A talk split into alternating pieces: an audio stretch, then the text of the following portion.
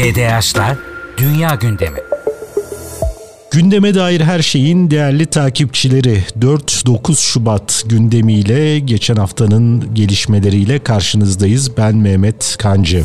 Evet önce Gazze ile başlayalım çünkü tüm sorunların merkezindeki mesele İsrail'in Gazze'ye yönelik saldırısının ardından yaşanan gelişmeler. Gazze'de hayatını kaybeden sivillerin sayısı 30 bine geldi dayandı. Açlık, susuzluk, ilaçsızlık konunun başka boyutları ve son olarak İsrail Filistin halkını refah kenti üzerinden Mısır'a sürmenin arayışları içerisinde olduğu görülüyor ve buna karşılık olarak bir ateşkes anlaşması arayışı da devam ediyor gerekiyor. Türkiye, Katar, Mısır, Amerika Birleşik Devletleri hepsi bu arayışın içerisinde. Hatta Amerika Birleşik Devletleri Dışişleri Bakanı da 5. defa bölgede temaslarda bulunmak üzere geldi. İsrail başta olmak üzere konunun taraflarıyla görüşmeler yapıyor. MİT Başkanı İbrahim Kalın da Hamas siyasi büro şefi İsmail Haniye ve beraberindeki heyetle 3 Şubat günü Doha'da bir araya gelmişti. Ancak görünen o ki İsrail'in kendi iç politikasındaki dengeler, mevcut koalisyon hükümetinin durumu makul bir esir takası ve ateşkes anlaşması yapmaya müsait değil. Hatta Netanyahu son olarak refah kentini hedef alacak bir operasyona başlayacaklarını ifade etti. Bütün bu gelişmeler tabi beraberinde daha şiddetli bir çatışmayı mı getirecek? Mısır bu gelişmelere nasıl tepki gösterecek? Bunları da göreceğiz. Bu arada Lahey Uluslararası Adalet Divanı'nın aldığı kararın ardından ilginç bir gelişme yaşandı. Japon şirketleri İsrail'deki savunma şirketleriyle işbirliğini sonlandırma kararı aldı. New York Times'ta da ilginç bir haber vardı. Amerikan istihbarat kaynaklarına göre Hamas ve diğer direniş gruplarının ellerinde tuttukları 136 esirden 32 İsrail bombardımanında öldü. Amerikan istihbarat kaynaklarının iddiasına göre. Bu arada Amerikan Başkanı Biden da Ürdün Kralı Abdullah'la çatışma sonrasında Gazze'nin nasıl göründüğünü görüşecek. Beyaz Saray'ın açıklaması bu yönde 8 Şubat itibariyle aslında Amerikan politikasının diplomasisinin yapması gereken bir takım hamleler ancak yeni yeni hayata geçiriliyor. Dışişleri Bakanı Hakan Fidan'ın geçen pazar günkü açıklamaları da hafta boyunca Türk dış politikasına damgasını vurdu diyebiliriz. Bu F-35'ler konusunda Türkiye'nin maddi kayıplarını telafi etmek anlamında önemli açıklamaları vardı. Türkiye-Avrupa Birliği ilişkilerine dair önemli açıklamaları vardı yine Hakan Fidan'ın. F-35'ler konusunda biz bu işin sadece müşterisi değiliz. Aynı zamanda üretici ortakları adaylarından biriydik vurgusunu yaptı Dışişleri Bakanı ve F-35 programına dönmekten ziyade Türkiye'nin maddi kayıplarının telafi edilmesi üzerinde durdu. Avrupa Birliği Türkiye ilişkilerine gelince ise 2011 yılında Türkiye'nin üyeliğe kabul edilmesi anlamında uygun bir ortam vardı. Ancak o dönem Fransa Cumhurbaşkanı olan Nicolas Sarkozy'nin Türkiye'nin üyelik yoluna taş koyduğunu ifade etti ve bugün Avrupa Birliği'nin özellikle güvenlik anlamında düştüğü sıkıntıların temelinde Türkiye'siz bir Avrupa Birliği'nin olduğuna işaret etti. Hatta Türkiye'nin üyeliğe kabul edilmesi halinde 2016 yılında İngiltere'nin Brexit kararının da alınmamış olabileceğini öne sürdü. Bu arada tabii ki Amerika Birleşik Devletleri ile sessiz bir diplomasi yürütüldüğünü özellikle İsveç'in NATO üyeliği konusundaki sessiz diplomasiye de dikkat çekti. Birazdan bunun bir başka ayrıntısına da değineceğiz ancak Hollanda ve Kanada başta olmak üzere bazı ülkelerin Türkiye'ye yönelik savunma sanayi yaptırımlarını kaldırdığını ifade etti ve önemli bir başka noktada Cumhurbaşkanı Erdoğan önümüzdeki hafta yapacağı Mısır ziyaretinde Mısır'a Türkiye'den SİHA satışının ve buna bağlı teknolojilerin aktarılmasının gündeme gelebileceğini ifade etti. Mısır'la Türkiye arasında böyle bir ilişkinin kurulması 2010 yılından başlayarak Türkiye'yi Doğu Akdeniz'de kuşatma politikası güden Yunanistan ve Güney Kıbrıs Rum yönetiminin tüm girişimlerinin çökmesi anlamına gelecek. Ayrıca bu SİHA satışı Mısır'ın İsrail'e karşı caydırıcılığını da arttıracak bir faktör olacak. Geçelim Türkiye'ye beklenen 12 Şubat'taki Rusya Devlet Başkanı Putin'in ziyaretine. Bu ziyaret belirsiz bir tarihe ertelendi. Kremlin sözcüsü Dimitri Peskov ziyaretin gerçekleşmesi halinde özellikle gaz merkezi kurulmasına kurulmasına yönelik yol haritasının ve Türkiye ile Rusya arasında ortak bir banka kurulması gibi konuların gündemde olacağını ifade etmişti. Ancak ziyaretin iptalinin ardından Peskov şunları söyledi. Yeni tarih henüz kesinleşmiş değil. Her iki ülkede Mart ayında yapılacak seçimler nedeniyle yoğun çalışma programları nedeniyle bu erteleme gerçekleşti şeklinde ifadeler kullandı Peskov. Bakalım Rusya Devlet Başkanı Putin'in Türkiye ziyareti ne zaman hayata geçecek?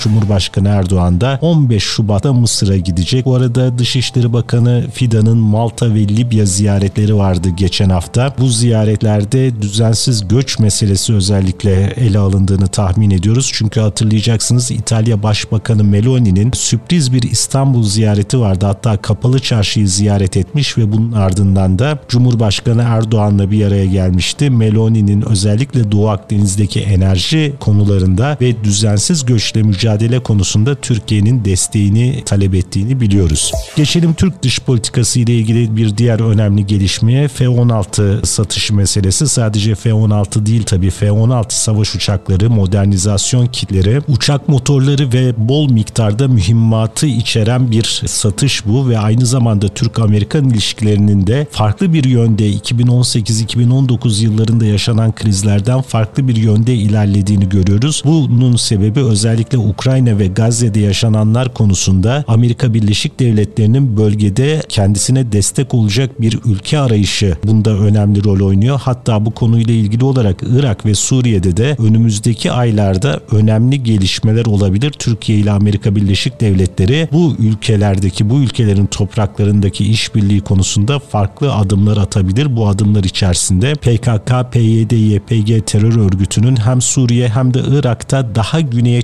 çekilmesi yönünde bir takım çalışmaların olmasının beklendiğini söyleyebiliriz. F-16 ve modernizasyon kitlerinin satışı konusunda da Amerikan Kongresi'nde Senatör Rand Paul tarafından hazırlanan bir yasa tasarısı vardı bu satışın engellenmesi için. Rand Paul Orta Doğu ülkelerine yapılacak satışlara genel olarak karşı çıkan bir isim sonuç alamıyor genellikle. Ayrıca Amerikan Kongresi de 8 Şubat itibariyle tatile girmiş bulunuyor. Dolayısıyla F-16 satışının onaylandığını söyleyebiliriz. Şu an itibariyle henüz resmi açıklama yapılmadı. Bu konudaki resmi açıklama muhtemelen önümüzdeki pazartesi günü gelecek.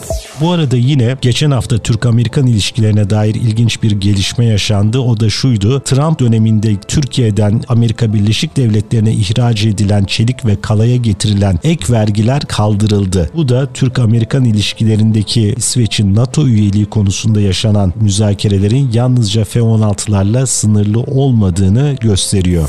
Evet, Amerika Birleşik Devletleri'nin Irak'ı vurma konusuna gelince malum Ürdün topraklarındaki bir Amerikan üssü vurulmuş, 3 Amerikan askeri ölmüştü. Bunun ardından geçen cumayı cumartesiye bağlayan gece Amerika Birleşik Devletleri misilleme eylemine girişti. 80'den fazla hedefe 120'den fazla hassas güdümlü mühimmatla saldırdı. Suriye ve Irak topraklarında misillemeyi yaptı. İran topraklarına bu misilleme ulaşmadı. Bu tabi Amerika Birleşik Devletleri'nde Demokrat Parti'nin karşısındaki siyasi kesimleri çok memnun etmedi. Ancak 7 Şubat günü bir başka gelişme daha yaşandı. Irak'ın başkenti Bağdat'ta Ketaib Hizbullah yani Hizbullah Tugayları örgütünün önde gelen iki komutanı Ebu Bekir El-Sadi ile Erkan El-Alayvi Amerikan SİHA saldırısında öldürüldü. Bunun ardından Irak Silahlı Kuvvetler Komutanlığı Sözcüsü Tüm General Yahya Resul Amerikan güçleri yerleşik anlayışları zayıflatacak ve ikili diyaloğun başlatılmasını engelleyecek tüm eylemleri sorumsuzca tekrarlamıştır. Başkent Bağdat'ın meskun bir mahallesinin kalbine düzenlenen hava saldırısında sivillerin hayatı tehlikeye atılmış, uluslararası hukuka saygı gösterilmemiştir dedi. Irak Cumhurbaşkanlığında Amerika'nın düzenlediği saldırıların uluslararası koalisyon güçlerinin Irak'tan çekilmesi için yürütülen müzakerelere zarar vereceğine dikkat çekildi. Şimdi bu görüşmeler 11 Şubat pazar günü yani bu hafta sonu gerçekleştirilecek. Bakalım ne gibi sonuçlar alınacak alınacak. Irak demişken son 10 gün içerisinde MİT Başkanı Kalın'ın yaptığı Irak ziyaretini, Irak Ulaştırma Bakanı Rezzak Muhaybes Es-Savadi'nin Türkiye'deki temaslarını ve Milli Savunma Bakanı Yaşar Güler'le Genelkurmay Başkanı Orgeneral Metin Gürak'ın hem Bağdat hem Erbil'de yaptıkları görüşmelere dikkat çekmek lazım. Erbil'deki görüşmeler esnasında Milli Savunma Bakanı Yaşar Güler, Kürdistan Yurtseverler Birliği'nin Celal Talabani'nin iki oğlundan biri olan Kubat Talabani ile de görüştü. Kubat Talabani şu anda Irak Kürt Bölgesel Yönetimi Başbakan Yardımcısı olarak görev yapıyor. Kardeşi Bafer Talabani ise Süleymaniye'de PKK, PYD, YPG unsurlarına hamilik yapmakla meşgul. Türkiye'nin bu muhtemelen son uyarısı oldu. Süleymaniye'deki KYB'ye yönelik PKK'yı sahiplenmesine yönelik olarak Nisan ayından itibaren artık Türkiye'nin Irak'ın kuzeyindeki son PKK üstlenme bölgelerine yönelik de askeri operasyonlarını yeniden hayata geçireceğini hatırlatmakta fayda var. Bu arada Irak Ulaştırma Bakanı'nın Ankara temasları sırasında Basra Kalkınma Yolu projesine yönelik olarak da açıklamalar vardı. Basra Kalkınma Yolu projesinin en önemli ayağı olan İran Körfezi kıyısındaki Büyük Fav Limanı'nın %85'inin tamamlandığı, demir yolunun %85'inin, otoyolun ise %35'inin hayata geçirildiği ifade edildi ve Basra Kalkınma Yolu projesinin güzergahındaki 11 kentten 9'uyla da anlaşmaların tamamlandığı bilgisi verildi. Yani Irak'ın güneyinden Türkiye'ye uzanacak bu ticaret koridoru Irak'ın ulusal birliğinin sağlanması anlamında da önemli rol oynayacak.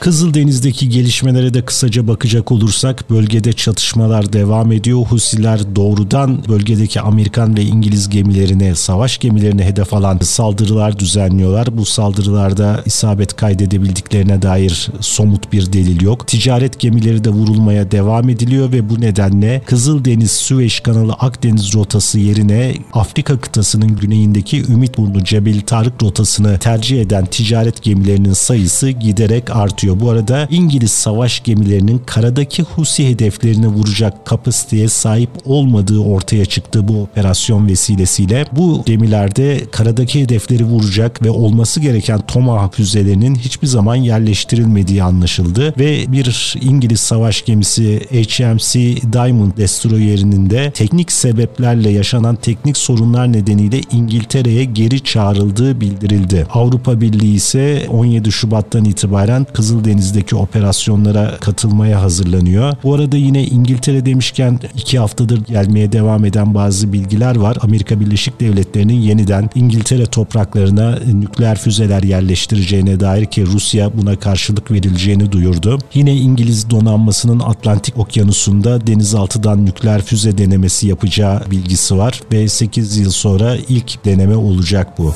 Geçelim Rusya-Ukrayna savaşına. Avdevka bölgesinde Donbas'ta Avdevka bölgesinde şiddetli çatışmalar yaşanıyordu. Avdevka'nın düştüğü yönünde bilgiler vardı. Şimdi de Rus ordusunun Kupyansk istikametine 500 tank, 600 zırhlı araç ve 40 bin askerle saldırıya geçmeye hazırlandığı yönünde bilgiler var. Haziran ayında başlayan Ukrayna karşı saldırısı bir sonuç vermemişti ve bu cephedeki kilitlenme sonunda Ukrayna Genelkurmay Başkanı Valeri Zaluzny'nin koltuğuna mal oldu. Ukrayna Devlet Başkanı Zelenski Zaluzny'yi görevden aldı. Yalnız şuna dikkat çekmek lazım. Ukrayna toplumunun Zelenski'den ziyade Zaluzny'ye güven oranının daha yüksek olduğuna dair kamuoyu araştırmaları var. Zelenski'ye verilen destek %62 seviyesindeyken Zaluzny'nin kamuoyu desteğinin %88'e ulaştığı iddia ediliyor. Tabii bu konuyla ilgili başka bir bilgi de Zaluzny'nin yerine Genelkurmay Başkanlığı'na Kara Kuvvetleri Komutanı Oleksandr Siriski'nin getirilmiş olması, Siriski'nin askerlerin hayatını riske atmaktan kaçınmayan bir komutan olması hasebiyle Ukrayna ordusu içerisinde çok sevilmediğine dair iddialar var. Zaluzny daha ziyade NATO'nun planlarına riayet etmek ve çok sayıda asker kaybına neden olabilecek operasyonlara girişmekten kaçınmıştı. Görevden alınmasında bu da önemli rol oynadığı iddialardan bir tanesi bu Zaluzny'ye yönelik iddialar. Zaluzny de kendisini haklı haklı olarak savunuyor. Çünkü Ukrayna'nın kısıtlı bir insan gücü var. Bunu dikkatli kullanmak zorundaydık diyor. Bu arada Baykar firmasının Ukrayna'daki İHA fabrikasını kurmaya başladığını ifade edelim. Yaklaşık bir yıl sürecek bu fabrikanın kuruluşu ve yılda yaklaşık 120 adet İHA'nın üretilmesi öngörülüyor. Yine Ukrayna ile ilgili ilginç bir haber Amerikan basınında yer aldı. Buna göre 1 milyar dolarlık silah Ukrayna'ya gönderilmiş olan 1 milyar dolarlık silah ortada yok. Amerika Birleşik Devletleri'nin bu silahların izini süremediği ifade ediliyor. Yine bir başka ilginç bilgi malum Rusya Ukrayna'ya yönelik saldırılarında özellikle İran'dan edindiği kamikaze dronlarından fazlasıyla faydalanıyor. Jet motoruna sahip Şahit 238 tipi İran yapımı kamikaze dronları inceleyen Ukraynalı savunma uzmanları neredeyse bu silahın içindeki tüm unsurların NATO üyesi ülkelerden elde edildiğini belirlediler. Jet motorunun Çek Cumhuriyeti kökenli olduğu, bunun haricinde çeşitli elektronik enstrümanların silahın içerisindeki yine Amerika Birleşik Devletleri ve Kanada üretimi olduğu tespit edildi. Bu da Türkiye'ye savunma alanında ambargo uygulayan NATO ülkelerinin Rusya'ya yönelik ambargolara katılmadığı yönünde Türkiye'yi suçlayan batıdaki çevrelerin ne kadar çifte standartlı davranışlar içerisinde olduğunun bir başka örneği. Geçelim şimdi Azerbaycan'daki geçen hafta yapılan Cumhurbaşkanlığı seçimine İlham Aliyev oyların %92'den biraz daha fazlasını kazanarak 7 aday arasından yeniden Cumhurbaşkanı seçildi. Bu erken Cumhurbaşkanlığı seçiminin önemli bir yanı da şuydu. Ermeni işgalinden kurtulan Karabağ topraklarında ilk kez halk sandık başına gitti. Hatta Cumhurbaşkanı Aliyev ve ailesi de Han kendinde oylarını kullandılar. Geçelim şimdi Avrupa'daki çiftçi eylemlerine. Yapısal ekonomik problemlerin alevlendirdiği çiftçi eylemleri Avrupa Birliği'nin tarım politikalarına karşı çıkan çiftçilerin eylemleri giderek yayılıyor. Moldova, İrlanda, Yunanistan'da da geçen hafta boyunca eylemler vardı ve Avrupa Birliği Komisyonu Başkanı Ursula von der Leyen bu eylemlerle ilgili olarak Rusya'yı suçladı. Bu eylemlerin arkasında Rusya'nın olduğunu iddia etti. Ancak Avrupalı çiftçilerin bu eylemlerinin ulusal politikaların hayata geçirilmesi yönündeki talepleri daha da arttıracağı ve Haziran ayındaki Avrupa Parlamentosu seçimlerinin sonuçlarını etkileyeceği kaçınılmaz görünüyor. Bu arada Almanya'da hava ve demir yollarındaki grevler de devam ediyor. Uzun bir demir yolu ve hava yolu güvenlik görevlileri grevinin ardından bu defa Lufthansa Hava Yolları Berlin, Frankfurt, Münih, Hamburg ve Düsseldorf'u kapsayan bir uyarı grevi yaptılar geçen hafta. Bin uçuş ve 100 bin yolcu bu grevden etkilendi. Peki ne istiyor Lufthansa çalışanları? 25 bin çalışanı için %12,5'luk ücret artışı talep ediyor sendika. Buna ek olarak çalışanlara yüksek enflasyonun telafisi için 3000 avroluk ikramiye verilmesi de isteniyor. Enflasyon Türkiye ile mukayese edilmeyecek kadar düşük seviyelerde olsa bile Avrupa içinde ciddi bir problem. Geçelim şimdi Türkiye'nin ilk astronotu Alper Gezer Avcı'nın dönüşüne 7 Şubat çarşamba günü Uluslararası Uzay İstasyonu'ndan Aksiyom 3 mürettebatı ayrılmıştı. Cuma günü yaklaşık 48 saat süren bir sürecek bir yolculuğun ardından 16.30'da dünyaya inmeleri bekleniyor. Tabi sizin bu kaydı dinlediğiniz saatlerde ekip çoktan dünyaya dönmüş olacak. Muhtemelen Florida açıklarında okyanusa inecekler. Ancak bir süre dünya şartlarına yeniden alışmaları için bir otelde konaklayacaklar ve daha sonra basının karşısına çıkmaları bekleniyor. Kısa bir süre içerisinde yani 2024 yılı içerisinde Tuva Cihangir Atasever'in de diğer Türk astronotunun da uzay macerasına başlaması bekleniyor. Geçelim şimdi dünyadaki bazı felaket haberlerine. Şili'de geçen hafta meydana gelen orman yangınlarında Güney Amerika tarihinin en büyük can ve mal kaybı yaşandı. 130'dan fazla kişi hayatını kaybetti. Hala çok sayıda kayıp var ve binlerce konut imha oldu. İzlanda'da ise Reykjanes Yarımadası'ndaki e, Grindavik kasabası son 3 ay içerisinde 3. defa bir volkan patlamasıyla karşı karşıya kaldı. Grindavik balıkçı kasabasında artık artık yaşam sürdürülmesi imkansız hale geldiğinden bu kasabadaki tüm kasaba sakinleri tahliye edildi. Grindavik kasabası yakınlarında 18 Aralık 2023'te ilk patlama meydana gelmiş ancak 22 Aralık'ta tahliye edilenlerin evlerine dönmesine izin verilmişti. Hatırlayacaksınız İzlanda'daki bu tektonik ve volkanik hareketler süreci 2023'ün Kasım ayında başlamış ve yüzlerce sarsıntı nedeniyle ülkede acil durum ilan edilmişti ve görünen o ki İzlanda bir süre daha 2024 yılı boyunca bu volkan ve tektonik hareketler tehdidiyle mücadele etmeye devam edecek. Hollanda'da yapılan seçimlerin ardından peki hükümet kurma çalışmaları nasıl gidiyor ona da kısaca bakalım. Wilders'in Özgürlük Partisi geçen Kasım ayında yapılan seçimlerden birinci sırada çıkmıştı. Ancak görünen o ki bir azınlık hükümeti dahi kurması pek olası görünmüyor ve Hollanda'nın kısa süre içerisinde yeniden sandık başına gitmesi güçlü bir ihtimal. Ancak ilginç olan şu ki Özgürlük Partisi yapılacak yeni bir seçimde halk desteğini arttırarak sandıktan çıkacak. Amerika Birleşik Devletleri'ndeki seçim sürecine de kısaca bakalım. Amerikan Yüksek Mahkemesi Colorado'da Trump'ın seçime katılmasının yasaklanması yönündeki mahkeme kararının aleyhinde bir karar alacak gibi görünüyor. Trump lehinde bir karar verilecek gibi görünüyor. Keza Trump Iowa ve New Hampshire'ın ardından Virgin Adaları'nda yapılan Cumhuriyetçi Parti içerisindeki mücadeleyi de kazandı. %70'in üzerinde destek buldu. Nikki Haley ise rakibi ise %26 %26 oy alabildi. Nevada'daki Cumhuriyetçi Parti seçimlerinde Trump'ın isminin oy pusulalarında bulunması yasaklanmıştı. Ancak böyle bir durumda bile Nevada eyaletinde Nikki Haley galibiyet alabilmiş değil. Yani Trump giderek Cumhuriyetçi Parti'nin başkan adayı olmaya yaklaşıyor. Bu arada Amerikan Başkanı Biden'ın akli melekeleriyle ilgili de tartışmalar giderek şiddetlenmekte. Almanya ziyaretinde 1996 yılında ölmüş olan Fransa Cumhurbaşkanı Mitterrand'la görüştüğünü iddia eden Biden bunun ardından hafızasının yerinde ol, olduğunu ispatlamak için çıktığı basın toplantısında da Mısır Cumhurbaşkanı Sisi'den Meksika Devlet Başkanı olarak bahsetti. Pakistan'da da seçimler gerçekleştirildi. 9 Ağustos'tan bu yana ülkeyi geçici bir hükümet yönetiyordu hatırlayacaksınız. İmran Han liderliğindeki Pakistan Adalet Hareketi'nin hükümetinin düşürülmesinin ve İmran Han aleyhindeki yargı süreçlerinin sonuca bağlanmasının ardından nasıl bir sonuç çıkacağı merakla bekleniyordu. Geçen hafta İmran Han çeşitli başlıklarda uzun yıllar sürecek hapis cezalarına da çarptırılmıştı. Hatta evliliği iptal edilmişti ancak üzerindeki tüm bu baskıya rağmen 336 sandalyeli ulusal meclis için yapılan seçimlerde henüz kesin olmayan sonuçlara göre 152 civarında İmran Han yanlısı vekilin meclise girdiği görülüyor. Tek başına iktidar için 172 vekil gerekiyor ancak İmran Han ve Pakistan Adalet Hareketi şu an için Pakistan siyasetinde belirleyici konumda görünüyor. 3 siyasi parti yarışıyordu seçimlerde. Pakistan Müslüman Birliği,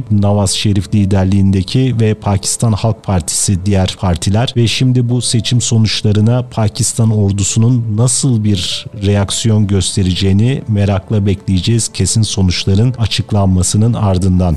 Ve son olarak Rusya Devlet Başkanı Putin'in bir Amerikalı gazeteciye verdiği röportaja bakalım. Bu röportaj muhafazakar ve Trump destekçisi Amerikalı gazeteci Tucker Carlson tarafından yapıldı. Fox News'ta çalıştığı dönemde karıştığı şaibeli olaylar nedeniyle eleştirilere hedef olmuş bir isimdi Carlson. 2 saat 7 dakikalık bir röportaj yaptı Rusya Devlet Başkanı ile. Tabii Amerikalı bir gazetecinin gidip Rusya'ya gidip röportaj yapması bile Amerika Birleşik devletlerinin müzakere masasına oturulması yönünde Zelenski yönetimi üzerinde kurduğu baskının bir işareti olarak nitelenebilir. E, röportaj çok uzun bir röportaj. Özetlemek gerekirse Putin röportajının ilk kısmında uzun bir tarih dersi vererek bugünkü Ukrayna toprakları ve özellikle tabi Türkiye'yi de ilgilendiren kısmı Ukrayna topraklarının Karadeniz kıyıları kısmının Rusya'ya ait olduğunu anlatıyor ve Sovyetler Birliği döneminde Lenin ve Stalin döneminde uygulanan yanlış politikalarla Ukrayna'ya bu toprakların verildiğini ifade ediyor. Diğer bir önemli husus 1991'de Sovyetlerin dağılmasının ardından tüm çabalarına rağmen Amerika Birleşik Devletleri ve Batı dünyasıyla entegre entegre olma yönündeki çabalarının Amerika Birleşik Devletleri'nden bir karşılık görmediğini iddia ediyor. Rusya Devlet Başkanı Putin buna karşılık olarak kendilerini dışlayan Batı'nın sürekli olarak yeni tehditlerle karşılarına çıktığını ifade etmekte röportajında ve Rusya-Ukrayna savaşı ile ilgili olarak da 2022 yılında kendilerinin İstanbul'daki müzakereler neticesinde Kiev çevresindeki askerlerini çektiklerini ancak Amerika Birleşik Devletleri ve İngiltere'nin